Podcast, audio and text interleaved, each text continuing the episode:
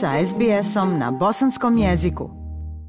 Aisha, lijep pozdrav tebi i slušateljima SBS radija. Evo na samom početku podsjetit ću, vjerujem mnoge, na zimske olimpijske igre koji su održani prije tačno 40 godina 8. februara. Te 1984. godine grad Sarajevo bio je centar svijeta. Sarajlije su živjele za zimske olimpijske igre olimpijci živeli takmičenja, a milioni ljudi iz svojih domova pratili su najbolju organizaciju olimpijade iz Sarajeva. I evo četiri decenije nakon zlatnog doba Sarajeva, direktni učesnici Sarajevske olimpijade, brojni gosti i olimpijci, među njima Sanda Dubravčić, Šimunjak, Jure Franko, Katarina Viti, Bojan Križaj, ponovo su posjetili Sarajevo upravo povodom obilježavanja 40. godišnjice zimskih olimpijskih igara i tog dana zaista Sarajevo je na sve moguće načine podsjećalo na nekadašnje Sarajevo iz 1984. godine. Domaćin eh, ovim eh, brojnim eh, gostima bila je gradonačelnica Sarajeva Benjamina Karić. Olimpijci koji su stigli u Sarajevo kazali su da im je bila izuzetna čast učestovati na olimpijskim igrama 1984. godine. To je za njih bio dan kada su osjetili zajedništvo, dan kada je Sarajevo živjelo za otvaranje zimskih olimpijskih igara i evo upravo vjerujemo iša da su se e, slušatelji prisjetili tih dana iz 1984. godine. Iz kistaza Olimpijskog centra Bjelašnica službeno je 8. februara dobila ime Jure Franko po legendarnom skijašu, osvajaču srebrene medalje za tadašnju Jugoslaviju na zimskim olimpijskim igrama. Tim povodom bila je organizovana i lijepa ceremonija i evo šta je upravo sada rekao Jure Franko. Poslušajte. Svi ovi koji niste bili tu za vrijeme olimpijade, koja je razlika od toga što vidimo danas, što smo vidjeli juče, što smo vidjeli u Sarajevu sada u, u prošlih par dana, je, dodajte tome, samo 22 milijuna euforičnih ljudi, pa je otprilike tako kako je bilo 84. na olimpijadi ili sa sjećanjima ili kako god. Svi smo tu živjeli tu fenomenalnu priču zajedničku i doživjeli tu zajedničku pobjedu. Zašto kažem zajedničku pobjedu? Jer je u stvari sad kad mi je trostruko toliko godina koliko mi je bilo tad, je, mi je puno jasnije šta sve bi moglo ići po zlu, šta sve bi moglo moglo da, da nije snijeg pao, da nije vašeg entuzijazma, napora, improvizacije, da kažem tako, da se to sve uspjelo napraviti preko noći kad je došao taj snijeg, teško bi se izvela ta olimpijada na taj način koji se je. A zašto e, zovem tome zajedničkom pobjedom, jer to je doista bila zajednička pobjeda. Na ovoj ceremoniji bila je prisutna i predsjednica Slovenije Nataša Pirc-Musar. Vjerujte mi, presretna sam da sam tu i da su tu sa mnom i Jure i Mateja i Bojan. Ja se nadam da će taj sport spirit ostati među vama i među nama i da ćemo ostati prijatelji stvarno još dugo, dugo, dugo. Evo što je tokom ove ceremonije na toj svečanosti kazao i ministar vanjskih poslova Bosne i Hercegovine Elmedin Konaković. U katastru je naš Jure Franko. Mi smo imali isti pasoš tad, predsjednice. Isti pasoš, ista država.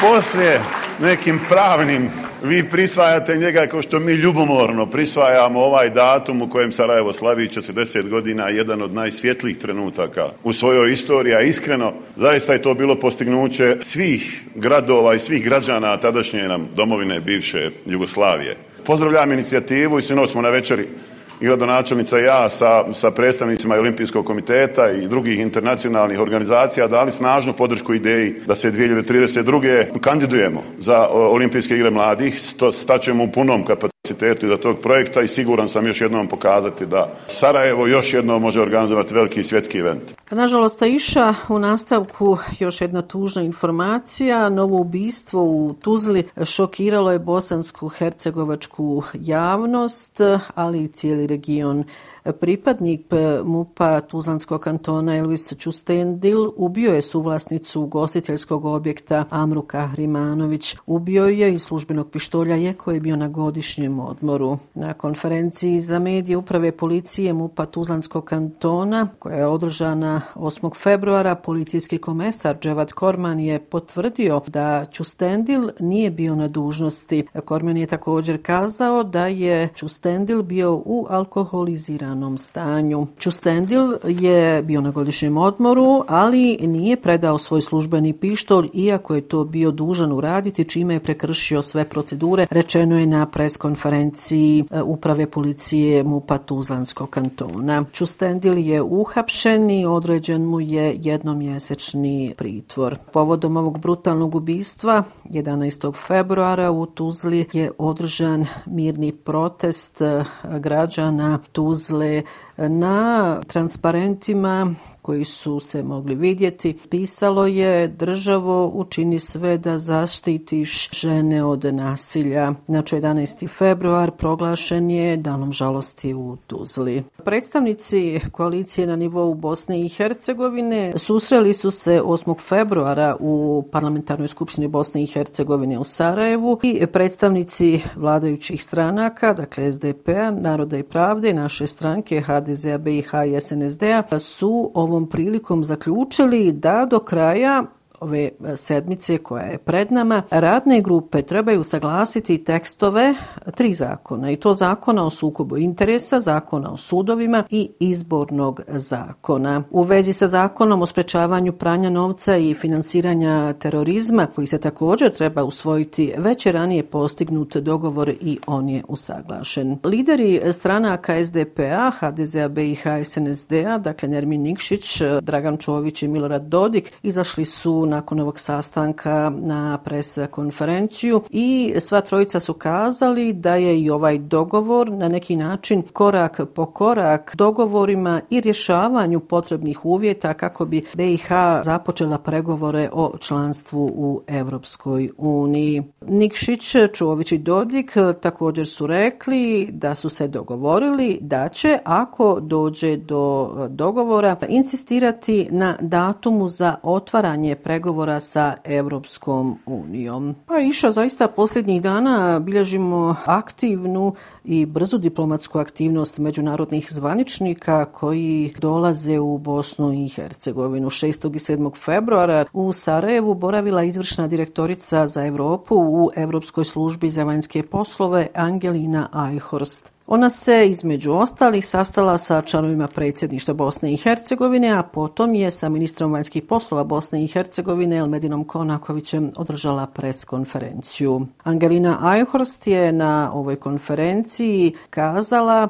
da kada je u pitanju otvaranje pregovora sa Bosnom i Hercegovinom za članstvo u Evropsku uniju, da će to biti izuzetno značajan trenutak i zamah kao i prilika koja se ne smije propustiti. Evo poslušajte u nastavku riječi Angeline Eichhorst, izvršne direktorice za Evropu u Evropskoj službi za vanjske poslove.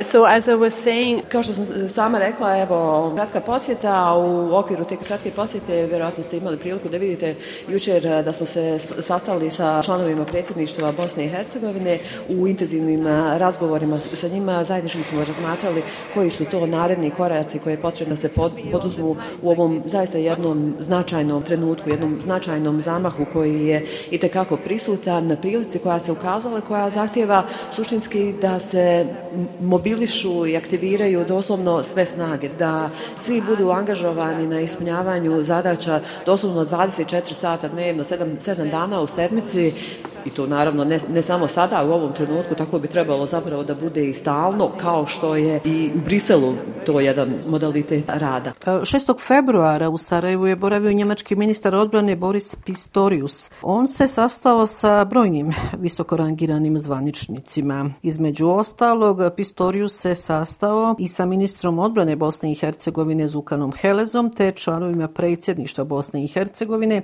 kao i visokim predstavnikom u Bosni i Hercegovini Hercegovine Kristijanom Šmitom. Ovom prilikom njemački ministar odbrane Boris Pistorius se naglasio je da je Njemačka jedan od ključnih partnera Bosne i Hercegovini na putu ka Evropskoj uniji i NATO-u. Njemački ministar odbrane izjavio je da njegova zemlja ulaže napore u očuvanju stabilnosti Bosne i Hercegovine i Zapadnog Balkana i da to pokazuju kroz dugoročnu i uspješnu podršku. I eto ovom informacijom iša završavamo ovo sedmično javljanje iz iz glavnog grada Bosne i Hercegovine. Još jednom vam lijepe pozdrave iz Sarajeva šalje Semra Duranović-Kosu.